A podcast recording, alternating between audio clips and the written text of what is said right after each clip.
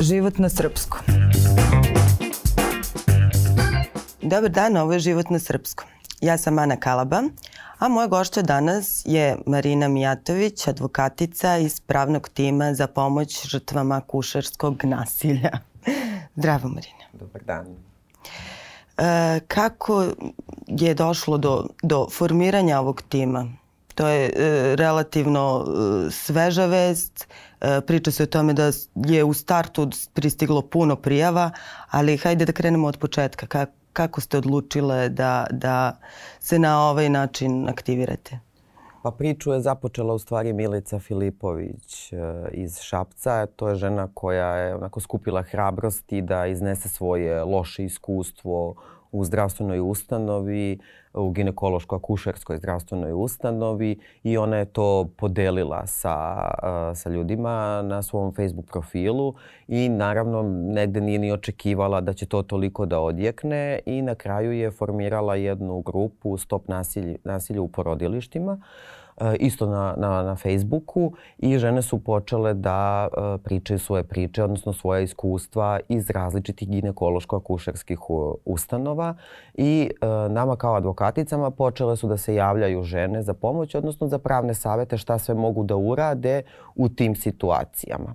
E, mi smo videle da ima ogroman broj dakle, žena koji, koji, koje žele da podele svoje iskustvo i bilo je nemoguće da to uradi jedna advokatica i negde smo se dogovorile, pošto smo prepoznali da je to sistemski problem na osnovu tolikog broja i smatramo da je negde naša i moralna i profesionalna obaveza da kao advokatice uh, ukažemo na sistemsko kršenje, kršenje prava i ideja nam je naravno bila da ne idemo odmah u sudske sporove, već da to se reši u okviru zdravstvenog sistema. Dakle, da postoje organi koji su nadležni, da je to pitanje Ministarstva zdravlja, zdravstvene inspekcije i da na taj način može da se reši taj problem. Dakle, dakle ne samo pojedinačno, zato i kažem da je sistemski problem, već da ga rešimo uopšteno. Dakle, da se ne dešavaju ovakve situacije, a da vidimo koja je to slaba tačka i gde je da, taj mili, najveći problem. Da, iskustvo je baš onako ekstremno i, i svi smo ga pročitali i stravično je. Međutim, meni se čini da svi znamo nekoga ko je imao neko loše iskustvo. E, šta sve spada u, u akušarsko nasilje? Pa iz... O kakvim sve pa. problemima govorimo? Pa možemo da okrenemo, da kažemo, od onog najblažeg, da ga tako nazovemo, a to je e, loše obhođenje, dakle tretiranje, verbalna komunikacija e, u smislu, e, na primjer, da vam neko ne kaže ni dobar dan u zdravstvenoj ustani, da vas oslovljava nekim pogrebnim nazivima, to je već neki sledeći nivo, da vas vređa, da psuje, znači sad tu postoji, postoje ti različiti e, nivoj, do onog fizičkog maltretiranja, na primjer, kada vam se pruža određena zdravstvena usluga jer i zakon o pravima pacijenata kaže da pacijenti u zdravstvenim ustanovama moraju da dobiju tretman takav da ih oslobodi bolova ili da se bol svede na najmanju moguću meru. Dakle, to je negde i, i poenta zdravstvenog sistema i odlaska u zdravstvenu ustanovu. Ne samo da dobijemo uslugu, već i način na koji ćemo tu uslugu da, da dobijemo. Dakle, sve je to akušeksko nasilje i ono, da kažem, najekstremnije kada su neki fatalni ishodi u pitanju, na primjer smrt e, žene ili, ili, ili bebe. Dakle, imamo, imamo i te primere. Ali i, sa ti, i u tim fatalnim ishodima, dakle, cela ta procedura može bit, bit, imati kon, kontinuirano nehumano i degradirajuće postupanje. Mm. A, e, kak, kakve ste vi prijeve dobijali? Pa razne. Znači, Jel mislim, postoji našto da vas se iznenadilo? Da... Pa veliki broj. Znači to je ono što nas je najviše e, iznenadilo, veliki broj prijava, različitih prijava, različitih zdravstvenih ustanova, različitih ginekološko-akušerskih ustanova i nekako se u stvari kad ovo što smo obradili do sada kao e, informacije jeste da se najviše E, tih priča vezuje za velika porodilišta. Mm -hmm.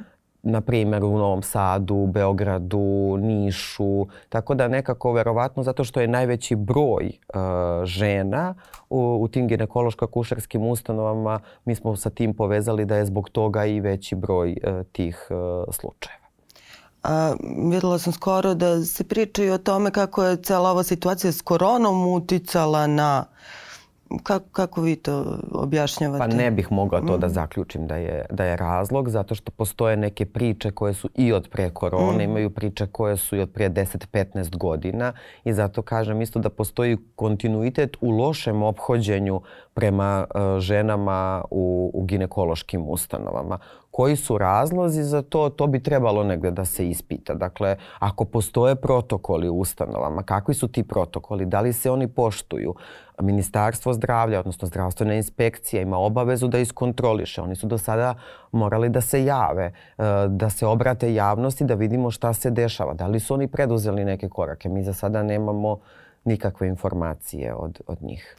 A šta mislite da je uzrok? Mislim, e, da li, e, da li je u tim institucijama gore nego u drugim? Jer tu žena dolazi vrlo osetljiva, vrlo ranjiva. E, zašto se to baš na tim mestima de, dešava u to, tolikom... Mog, mogla bih da kažem da, da je to jedan, jedan jedna osjetljiva sfera, veoma osjetljiva sfera. E, ima raznih e, primera primjera i u drugim zdravstvenim ustanovama, ali očigledno je da, je, da ovde postoji taj neki sistemski problem. Um, ustanove su, zdravstvene ustanove nisu one, na primjer kao kad bi trebalo da ih uporedimo sa zatvorima, nisu oni zatvorenog tipa u tom smislu, ali čim smo mi ušli u neku ustanovu, mi više, dakle... Nismo sa, na svom. Nismo na svom terenu, mm. tako je. I trebalo bi da postoji poverenje kad se ulazi u takvu ustanovu, ne strah od e, komunikacije, od tretmana, od obhođenja. treba da se pitamo šta će biti, nego e, treba da postoji poverenje između uh, zdravstvenih radnika, uključujući medicinske sestre i lekara. Kada pričamo sa njima, mora, mora da nam se obezbedi privatnost, dakle ne možemo pričati o svojim problemima zdravstvenim, iako smo u zdravstvenoj ustanovi, u hodniku, u sobi gde ima još 10-15 pacijentkinja, čak možda i tri, da imamo potpuno pravo da kažemo da želimo da imamo punu privatnost i da želimo samo da razgovaramo sa doktorom a, posebno, dakle bez prisustva drugih, drugih pacijentkinja da bi naravno on rekao šta predlaže i kakav je ishod tog nekog uh, tretmana. To su nekako neka normalna pitanja koja kao bilo, pacijent bi, u bilo kojoj sferi, bilo kojoj ustanovi može da, da postavi svom uh, lekaru i da ima puno pravo da dobije tačan i precizan odgovor i da se priča jezikom koji je nama razumljiv. Da, ali s druge strane imamo, reći će neki, situaciju takvu da e, su previše zaposleni ljudi, da nema dovoljno mesta, da ne mogu svima da se posvete dovoljno koliko bi možda trebalo, koliko bi oni želeli. Da. da li je to jedan od odgovora? To može da bude, da kažem, da probamo da bude izgovor, ali ne može da bude prihvatljiv, jer e, ukoliko znamo da nema dovoljan broj lekara, onda je Ministarstvo zdravlja i drugi nadležni organi, oni su morali nešto na vreme da urade, da dobijemo dovoljan broj lekara, da ne, da ne isključujemo specijalizacije, dakle da ne postoji neki vakum u specijalizacijama. To je ono, to je onaj sistemski pristup zdravstvenoj zaštiti što očigledno da mi nemamo. Ne odnosi se samo na ginekologe, odnosi se uopšte na na ceo zdravstveni sistem. To smo videli sad i za vreme kovida ja verujem i da smo imali tu strategiju da bi negde osetili da su lekari bili usmereni u COVID bolnice i COVID ambulante, ali ne u ovoj meri. Dakle, ne bi bilo ovoliko odlaganja i operacija i pregleda i da mi apsolutno uopšte nismo imali nikakav pristup eh, zdravstvenoj zaštiti. Um, mislim takođe da smo mogli da očekujemo da će se u nekom periodu desiti neka epidemija, ne ovog obima, kao što je sad pandemija COVID-om, ali smo 2016. 2017. imali neko upozorenje e, vezano za epidemiju morbilama kada smo imali smanjeni broj e, vakcinisane e, dece i onda je e, broj obolelih od morbila se povećao i tu smo videli da može da dođe do zaražavanja. I tu smo već mogli da pretpostavimo da može u budućnosti da se stvori neka situacija koja je problem epidemiološki i da smo mogli imati bar neke strategije uh, vezane za epidemiju i onda mislim da bismo u svakom slučaju lakše pristupili i ovoj vrsti pandemije. Ne kažem da bismo uspeli 100% sve to da prevaziđemo lako, jer je naravno trebalo nabaviti i, i opreme i uopšte potrošnih sredstava. Bilo bi teško u svakom slučaju, ali je trebalo da imamo neku vrstu strategije. Da, možda ne bismo nailazili na tako neke uh, situacije nelogične, a u kojima ni mi smo znali da se snađemo jer smo u strahu. Tako je. Jest, da, bili smo u strahu, ali um, mislim da imamo organe koji treba da rade svoj posao. Tako da imamo isto puno pravo od njih da očekujemo da taj zdravstveni sistem funkcioniše i u tako teškim uh, uslovima. Malo pre smo načeli jednu temu, a to je koliko su pacijenti uopšte svesni svojih prava. E, ne znam, čak i kad je u pitanju to akušarsko nasilje, mnoge žene, evo, ja znam i po mojim prijateljicama, su sklone tome da, da konstatuju kao, e, samo da sam ja preživela, nikad više, ali kao gotovo je i za mene. Uh, Da, mi smo u zakonu o zdravstvenoj zaštiti pre 2013. imali norme koje uređuju prava pacijenata, imali smo zaštitnike prava pacijenata koji su radili u zdravstvenim ustanovama. Međutim, to rešenje je bilo veoma loše jer je pravnik koji je zaposlen u zdravstvenoj ustanovi u tom periodu bio nadležan i za pritužbe pacijenata, što je potpuno bilo besmisleno jer je takav pravnik u sukobu interesa. Sa jedne strane je zaposlen u zdravstvenoj ustanovi, zastupa zdravstvenu ustanovu možda i pred sudom, a sa druge strane vi imate pacijente koji se žale na tu ustanovu i u principu smo se izborili da se promeni uh, takav način organizacije zaštite prava pacijenata i 2013. dobili smo potpuno novi zakon, trebalo je da bude promocija tog zakona, odnosno da se upoznaju pacijenti, odnosno svi građani koja su njihova prava i kako taj mehanizam funkcioniše. Dakle, to je uh, mnogo detaljnije obrazloženo nego što je bilo u prethodnom zakonu o zdravstvenoj zaštiti. Znači sada 2013. smo dobili novi zakon o pravima pacijenata i izmestili smo zaštitnike, odnosno sada savjetnike po tom novom zakonu e, e, za prava pacijenata u lokalnu samoupravu. Dakle, svaka lokalna samouprava imenuje osobu koja je nadležna da postupa kao savjetnik za zaštitu prava pacijenata. Međutim, posle skoro 10 godina možemo da kažemo da ljudi uopšte nisu informisani na koji način mogu da zaštite svoja prava, niti znaju da taj mehanizam uopšte postoji.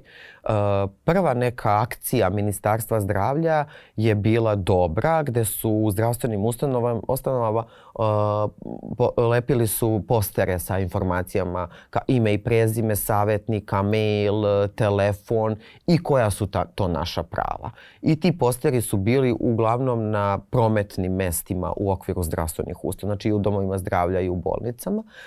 Tako da je to bilo dobro, međutim e, pokazalo se kao nedovoljno i trebalo je napraviti još neke sledeće korake da mi dobijemo punu informaciju na koji način taj mehanizam uh, funkcioniše i pored tog savetnika zakon je imao i zaštitnika prava osiguranih lica. I tu je sad malo bilo problematično ko je za koju oblast uh, i u kom domenu uh, nadležan. Takođe po ovom zakonu postoji i savet za zdravlje mada zakon tu ne predviđa baš tačno da je to drugostepeni organ, mi ga možemo nazvati da je drugostepeni, šta to znači ukoliko ovaj savjetnik za prava pacijenata odluči o našem prigovoru i kaže da je on, na primjer, neosnovan, svako od nas ima pravo da podnese e, žalbu Savetu za zdravlje.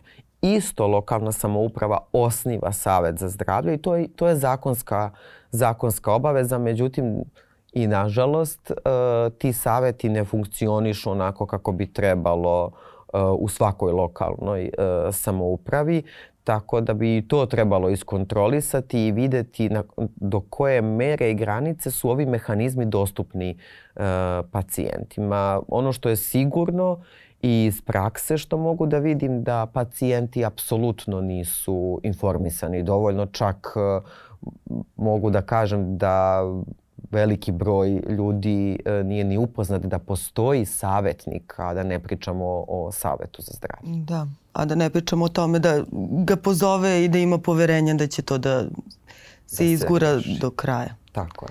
A, kako u vašem slučaju ovo sad funkcioniše?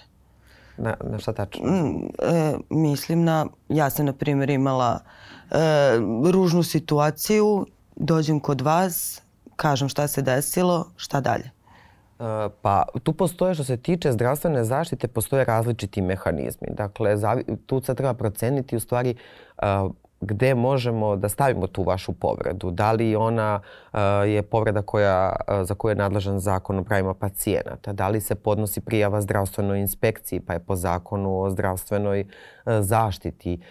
da li je povreda iz zdravstvenog osiguranja? Pa opet i tu treba mm -hmm. da mhm. odlučimo da vidimo da, ko je, je nadležan. Lepeza Tako situacije. je, imamo i ombudsmana koji ima poseban sektor za, za zdravstvenu zaštitu. Možemo da vidimo i da li je ombudsman nadležan, a ono u konačnom što jeste to je sudska nadležnost. Tu se dakle može voditi i krivični postupak, pra, parnični postupak, dakle kad klijent e, dođe sa temom iz o, zdravstvene zaštite, onda treba dobro proceniti u stvari kojim sve koracima a, e, možemo da, da krenemo i šta nam je naravno e, cilj. Iz prakse se pokazalo a, da ljudi kod nas uglavnom žele krivičnu prijavu. Mhm. Eh, manje parnični postupak, što u drugim zemljama u Evropskoj uniji nije slučaj. Eh, uglavnom se eh, u drugim tim zemljama gdje je razvijeno medicinsko pravo, ideja je negde da se ide u parnični postupak, ili da se nagode, e, na primjer, zdravstvena ustanova sa pacijentom, jer je razvijeno i osiguranje profesionalne odgovornosti. To postoji i kod nas, s tim što su iznosi mnogo niži, odnosno manji, tako da ljudi uglavnom kod nas žele prvo krivičnu prijavu i onda nekako ovom drugom delu, odnosno parničnom postupku, malo duže e, razmišljaju da li bi se u tako nešto upustili. Šta je sad tu problem? Problem je to što su e, ti postupci veoma skupi. Imamo velike takse e, sudske, imamo veštačenja, to je sad poseban segment koji je problematičan u, u Srbiji, dakle i kada želite da uradite veštačenje, mali je broj veštaka, ja mogu da kažem baš sada i za ovo ginekološko-akušarsko nasilje, eh, da je mali broj ginekologa veštaka, da, su oni, da oni svi rade u zdravstvenim, državnim zdravstvenim ustanovama, da su to sve njihove kolege i da je veoma teško prvo da neko prihvati da vam veštači u takvim postupcima, a drugo da očekujete da će taj neko da bude potpuno uh, objektivan. Tako je a tu se možda krije i još jedan razlog zašto se ljudi teško odlučuju na tu akciju, jer na kraju, ajde, procene, e, preveliko je to cimanje ili tako nešto, osim naravno kad nije neko veliko Tako je, da. Mi tu imamo i taj strah u stvari da ćemo se ponovo vratiti u, u određenu zdravstvenu ustanu, da ćemo se možda ponovo sresti sa, sa lekarom, a drugo je to nepoverenje u, u ceo sistem. Dakle, medicinsko pravo u Srbiji apsolutno još uvek nije razvijeno da mi možemo da uzmemo nešto iz prakse, na primer Nemačke i Velike Britanije, Francuske, gde su presude e, u sudskim sporovima e, veoma, da kažem, detaljne, razrađene, gde se vidi jasno da svako želi da pokaže da je profesionalan u, u, svom, u svom poslu, Uh, tako da negde kod nas se ljudi nekada odlučuju i za veštačenja iz inostranstva, što Aha. opet povećava uh, troškove i zbog toga ljudi nekada i, i odustanu od uh, sudskih uh, sporova i čim vi nemate uh, E, sistem u stvari gde imate kontrolu, to pričam sada o, o institucijama u okviru zdravstvenog sistema, gde nemate jasnu kontrolu, imate nepoverenje u, u pravosudni sistem, nemate razvijen sistem veštačenja, vi u stvari nekako ili kao pacijenti odustanete ili kad prođe trudite se da to zaboravite tako da se trenutno vrtimo onako u jednom začaranom krugu Ali evo sada ovaj uh, ceo e, splet uh, ovih akušerskih nasilja ipak pokazuje da kada se sve iznese u javnost i kada postoji ta masovnost da prikažemo da, da postoji određeni problem da može nešto da se uradi i bez uh, sudske zaštite. Ja se nadam da, da će biti da. nekog pomaka i uspeha i da će zdravstvene ustanove pokazati volju i inicijativu uh, da uh, urade nešto. Dakle, iako imaju te svoje protokole, da vam neko kaže dobar dan, da vas pita kako ste, da se osetite kao ljudsko biće kada ulazite u jedan zdravstveni sistem i da možete da dobijete pravu zdravstvenu zaštitu. Ono što u stvari i, i pripada vam i što vi u stvari očekujete. Da, pa mislim da je stvarno za početak jako bitno da se o tome govori u javnosti jer i to je jedna od tih e, ženskih priča koje ostaju onako van fokusa i tek po neki slučaj nam skrene pažnju. Tako. A sad e, šta je, mislim, po onim e, iskustvima, videla sam da je dostojanstvo tu dosta onako često na udaru.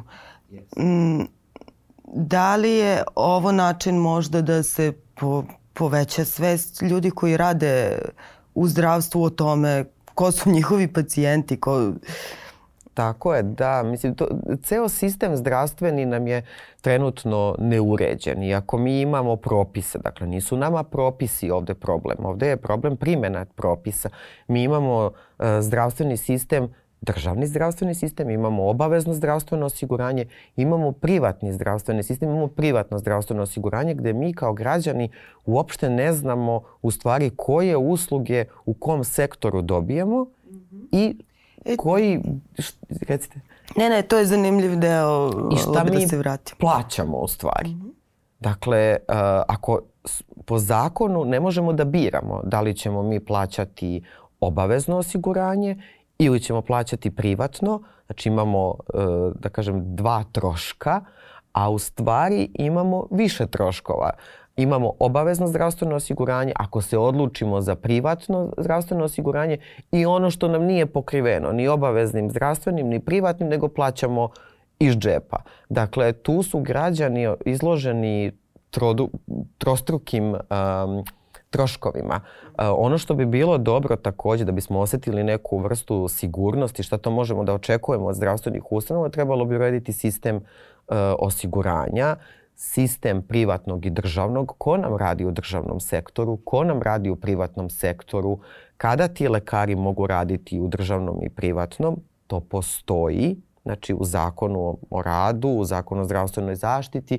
Dakle, imaju ti propisi, da li se oni na pravi način e, poštuju. Naprimer, jedan lekar, on može da bude i profesor na fakultetu, on može da bude, e, da radi na nekoj klinici državnoj, može da ima svoju privatnu kliniku, znači može da radi i privatno i da bude profesor i da radi kliničke studije. Dakle, onda možemo da se pitamo da li jedna osoba i u ovoj branši može da obavlja sve te vrste poslova. A jeste, često su to isti lekari, međutim ja znam ljude koji će da mi objasne da idu privatno jer ne mogu da se cimaju, ne mogu da idu od šaltera do šaltera, e, opet tamo, onako ti se nasmeju ljudi kad uđeš, osjećaš se ko čovek. E, bez obzira što dobijaju istu uslugu, istu vrstu usluge čak i od istih ljudi. Tako je, e, to ljudsko ponašanje, to dobar dan i da vam se neko ne obraća sa ti, nego da, vas, da pokaže da vas ipak poštuje kao, kao pacijenta. E, to se pokazalo i u ovim e, slučajima e, akušarskog nasilja. Dakle, i tu postoji veliki broj uh, e, primera gde, on, gde su žene rekle da im se ne obraćaju sa nekim poštovanjem, uh, e, gde im ne kažu dobar dan, e, gde im se obraćaju sa ti i pogrdnim nekim nazivima, što je naravno potpuno neprimereno i, i neprihvatljivo. Uh, takođe, mislim da bi trebalo to promeniti da žene vode a, eh, svoju trudnoću privatno kod lekara da bi kasnije a, eh, dobile uslugu i da bi on bio prisutan kada se a, one porađaju u državnoj eh, zdravstvenoj ustanovi. To je postalo nekako pravilo i podrazumeva se. Dakle, da će neko voditi privatno, da su lekari na primjer u domovima zdravlja gdje ukoliko je sve u redu sa, sa trudnoćom, gdje idemo na redovne kontrole, uh, Eh, da oni u stvari ni, ne rade ništa povodom eh, određene pacijentkinje, jer im se pacijentkinja ne obraća, nego ide privatno kod, kod lekara i to sve iz straha da li će taj lekar biti prisutan uh, tokom uh, porođaja što naravno ne bi smelo uopšte da se do, dovede u pitanje.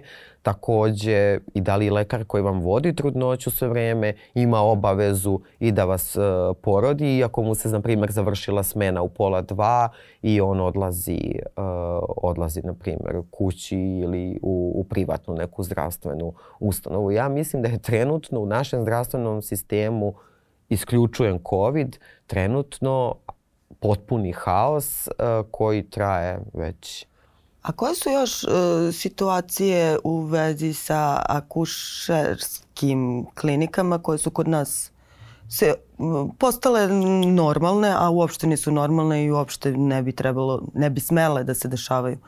Ja znam situacije za epidural da uh, nekoliko prijateljica mi je pričalo da eto baš je zakasnilo uh, nešto nisu na vreme najavile, platile, ne znam ja šta i na kraju nisu dobile epidural. E, da. Takve neke stvari, ko, vi sad imate bolji, bolji uvid u prijave, šta je to što se re, redovno dešava, a što možda mi ne znamo koji nismo imali takva iskustva. Pa da, to su te usluge u stvari. E, kada dobijate određenu uslugu, sa kim komunicirate, ko vam daje pravu informaciju i, na primjer, kada to treba i da li treba platiti. Dakle, vi morate sve da znate. Šta to znači, na primjer, ako treba da uradite određenu analizu pre eh, određene faze trudnoće, da li je ona pokrivena osiguranjem, nije pokrivena osiguranjem, ko će o tome da vas obavesti? Ko je taj kontakt u zdravstvenoj ustanovi od, koje, od kojeg vi možete da dobijete pravu i tačnu informaciju? Zašto recimo ako neki, neki pacijent traži napisano uh, informaciju, uvek postoji taj neki otpor. Ne, ne bih ja uh, da, da vam to napišem. Uh, evo uzmite vi papir i olovku pa vi napišite. Ne možete da dobijete a da kažem, tu neku informaciju gde ćete vi da potvrdite da ste tu informaciju e, primili. E, takođe isto je kada treba neko da vam se predstavi iz, u zdravstvenom sistemu, to je vrlo zanimljivo, da kada pitate, na primjer, zdravstvenog radnika kako se zove, uvek Eh, dobijete povratno pitanje, a zašto je to važno? To je vrlo važno, jer vi želite da znate sa kim komunicirate. To opet je, vraćamo se na ono poverenje. I to poverenje smanjuje taj strah od zdravstvenog sistema automatski to sada sigurno će lekari bolje znati kada ste vi opušteni da će to pozitivnije da se odrazi na vaše zdravstveno stanje, pa čak i na sam porođaj. Kad ste vi uplašeni, kad ste u grču, kad pitate nekog, izvinite, kako se zovete, da mogu možda kasnije da vas pozovem ako mi je potrebno, možda neko ne može da ustane iz kreveta, a nije nam takav sistem da postoji neki drugi vid komunikacije osim da, da ga dozivate Da sve su to neke sitnice, da ih nazovemo sitnice, a realno imaju veliki, uh, veliki značaj uh, kada boravite u, u zdravstvenoj ustanovi. Dakle, to predstavljanje, ta komunikacija je taj neki prvi korak u uspostavljanju nekog poverenja i neke, neke saradnje. Ja bih sad ovde posebno napomenula uh, i pristanak E, na određenu medicinsku meru. E, videla sam te pristanke iz e, ginekoloških ustanova. Šta, šta sad to znači? To je informisani pristanak. Nije to samo pristanak žene na bilo kakvu intervenciju ili medicinski tretman, nego ta intervencija mora biti obrazložena trenutno kako izgledaju uh, ti papiri. Uh, na primjer, ukoliko imate 5-6 nekih intervencija opisanih u dve, tri rečenice i, na primjer, pod tačkom 6 piše i drugo. I, na primjer, to drugo sadrži jednu reč dopisanu uh, rukom, znači hemijskom olovkom, bez obrazloženja. A sve, na primjer, ono iznad što piše, što sadrži neke da kažem, bazične informacije, eh, mi tu eh, vidimo da nema veze sa konkretnom pacijentkinjom. I onda se sada pitamo oko čega je ona informisana. Koje informacije su njoj dostupne? Zašto sada to sve što je napisano se tiče nje. Zašto, zašto bi ona imala tu vrstu informacije i svest o tome da postoje sve te neke druge medicinske mere koje nisu uopšte uh, bitne za njeno zdravstveno stanje i za ono što bi ona mogla da očekuje u okviru zdravstvene, zdravstvene ustanove, a ono što se nje baš tiče, to je napisano no, to je latinskim. Tako je, to je ostalo u jednoj reči, e, što je veoma loše i taj jedan papir nama takođe pokazuje uh, uh, odnos, eh, individualni odnos prema pacijentima. Dakle, nemamo vremena sada nekako vama da se bavimo pojedinačno.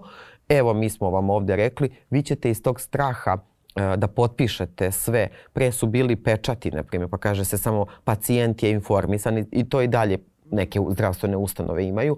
Pacijent je informisan u skladu sa zakonom. I onda u stvari ljudi misle da kad smo mi to nešto potpisali da smo mi pristali na sve a šta to znači na sve, šta god da se desi, loše, bilo koja loša posledica, mi smo na to pristali smo mi informisani, a zdravstvena ustanova i lekar, oni prosto nemaju odgovornost, nek smo mi pristali na takvu vrstu posledice. Dakle, to nije tačno. Ne pristajemo mi na lošu posledicu. Mi smo samo informisani o proceduri da bismo raspravljali sa lekarom da li mi to želimo, ne želimo, ne može niko da nas natera da mi na nešto pristanemo čak i po savetu lekara. Dakle, mi se pitamo o svom telu i o svom zdravstvenom stanju i zbog toga je veoma važno da verujemo lekaru. Dakle, da postavljamo pitanja. Ja se ne slažem sa tim da kao nekom osudom da dolazimo tako što svašta čitamo uh, preko interneta. Da, i tu imamo malo. Svega ima na internetu, naravno, ali negde se moramo informisati negde se moramo pripremiti za taj uh, razgovor.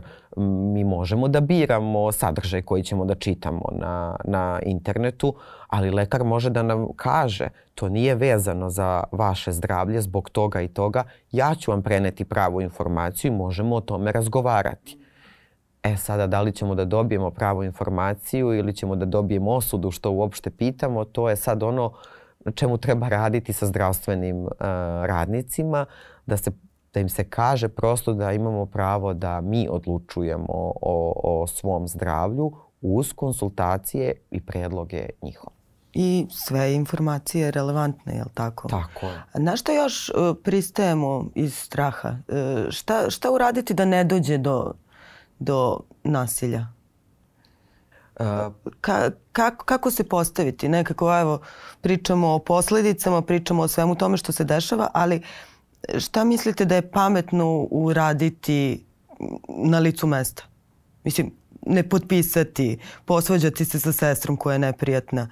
Mislim, ja imam super doktorku, tako da, da, ovaj, da, da. nisam imala e, probleme te vrste, ali ovaj, kako reagovati u situaciji gde si ti tu sa zdravstvenim problemom o kome ti ne znaš mnogo jer jeli, nisi lekar, ma koliko si čitao na internetu, uh, e, i negde si u situaciji da...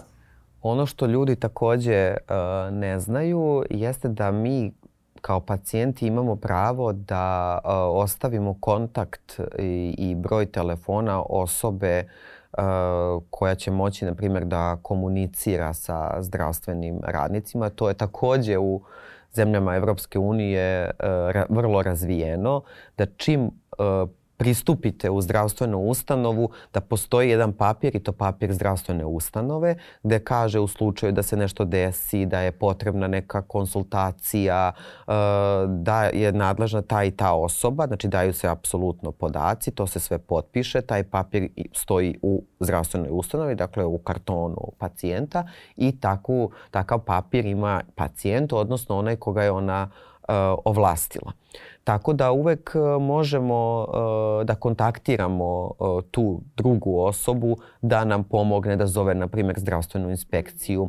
Ali u svakom slučaju zdravstvena ustanova je, ustanova, ustanova je obavezna da nama da informacije o savjetniku za, o, za zaštitu prava pacijenata. Dakle, taj podatak moraju da daju. Ne mail, nego broj telefona da možemo da ih pozovemo uh, A, na primjer, ukoliko je nešto alarmantno i, sav, i savetnik ima obavezu da, da informiše e, zdravstvenu, e, zdravstvenu inspekciju e, o tome. Dakle, e, postoje ti neki mehanizmi, sada ne, da ne idemo, nisu to takve situacije kada ćemo mi sad zvati policiju da nam je ugrožen e, život i, i zdravlje do te mere da moramo da pozovemo policiju, ali postoje tu neki organi koje možemo informisati I veoma je bitno da, da imamo osobu koju smo ovlastili da, da može da komunicira sa, sa zdravstvenom ustanovom to negde kod nas uvek dobijemo odgovor e, neće ništa da mi se desi, zašto bi sada mi e, takav papir potpisivali ako je to nešto rutinska, na primjer, operacija. E, to je stvar koja mora da se, da se promeni jer to je za naše dobro. Dakle, iako je rutinska operacija, opet nikada ne možemo 100% da da znamo da li može da dođe do nekih komplikacija kada mi o sebi nećemo moći da odlučujemo, pa je onda pitanje u toj situaciji ko može umesto nas da donosi odluke i da dobija prave, prave informacije. Tako da, je to to bi još jedan savet bio i za zdravstvene ustanove, a i za građane da prosto prihvate to kao nešto što im je zakon ponudio i regulisao, dakle imao zakon o pravima pacijenata, uh, baš član koji reguliše ovaj deo, tako da eto mogu još jednom da kažem da su nam propisi e, dobri, samo nam je veoma loša primjena propisa. Da. E, samo još jedno pitanje, koji su vaši dalji potezi vašeg tima? Našeg tima, pa evo mi za sada prikupljamo sve te slučajeve. E, nama je u stvari ideja da se mi obratimo Ministarstvu zdravlja i zdravstvenoj inspekciji, da se sprovede nadzor u zdravstvenim ustanovama i da se promeni ta praksa. Dakle, da, da oni sami a, e, pronađu način kako da to a, e, regulišu i da nažalost a, e, nemamo ovoliki broj prijava o akušerskom nasilju i nehumanom tretmanu žena u porodilištu i žena uopšte koje dobijaju neke druge vrste usluga. Ne obraćaju se žene ginekološkim uslovima samo u situacijama kad treba da održavaju trudnoću ili da, da se porode, nego i razne druge situacije i u tim, naravno, slučajevima postoji e, nehumano e, postupanje, loš taj odnos i mi se nadamo da će Ministarstvo zdravlja, da će zdravstvene ustanove ovaj apel žena koje su se odvažile da to prijave i mi ćemo da im pomognemo i smatram da negde a, je ljudski i profesionalno pomoći u ovakvim situacijama. Ja moram da kažem da se veliki broj koleginica javio ukoliko bude bilo potrebno a, da se obrade svi ti slučajevi da bismo na jedinstven način prikazali Ministarstvu zdravlja i zdravstvenoj inspekciji šta je ovde ključni negde problem. Dakle, mi hoćemo da im pomognemo, smatramo da je naša dužnost i, i kao žena i moralna i profesionalna jer imamo dovoljno znanja, pravnog znanja da možemo da, da uradimo nešto i da pomognemo svim ženama. Ja se isto tako nadam da sve koleginice misle na, na isti način i da će se pridružiti naravno ovoj borbi i mislim da, da ćemo eto, uspeti i bodrim žene da, uh, da se jave i da podrže druge žene uh, koje su imale problema, dakle one koje nisu imale, da prosto to treba da nam bude negde jedinstveni cilj. Nadam se da ćete uspeti u tome. Hvala, Hvala. vam Marina.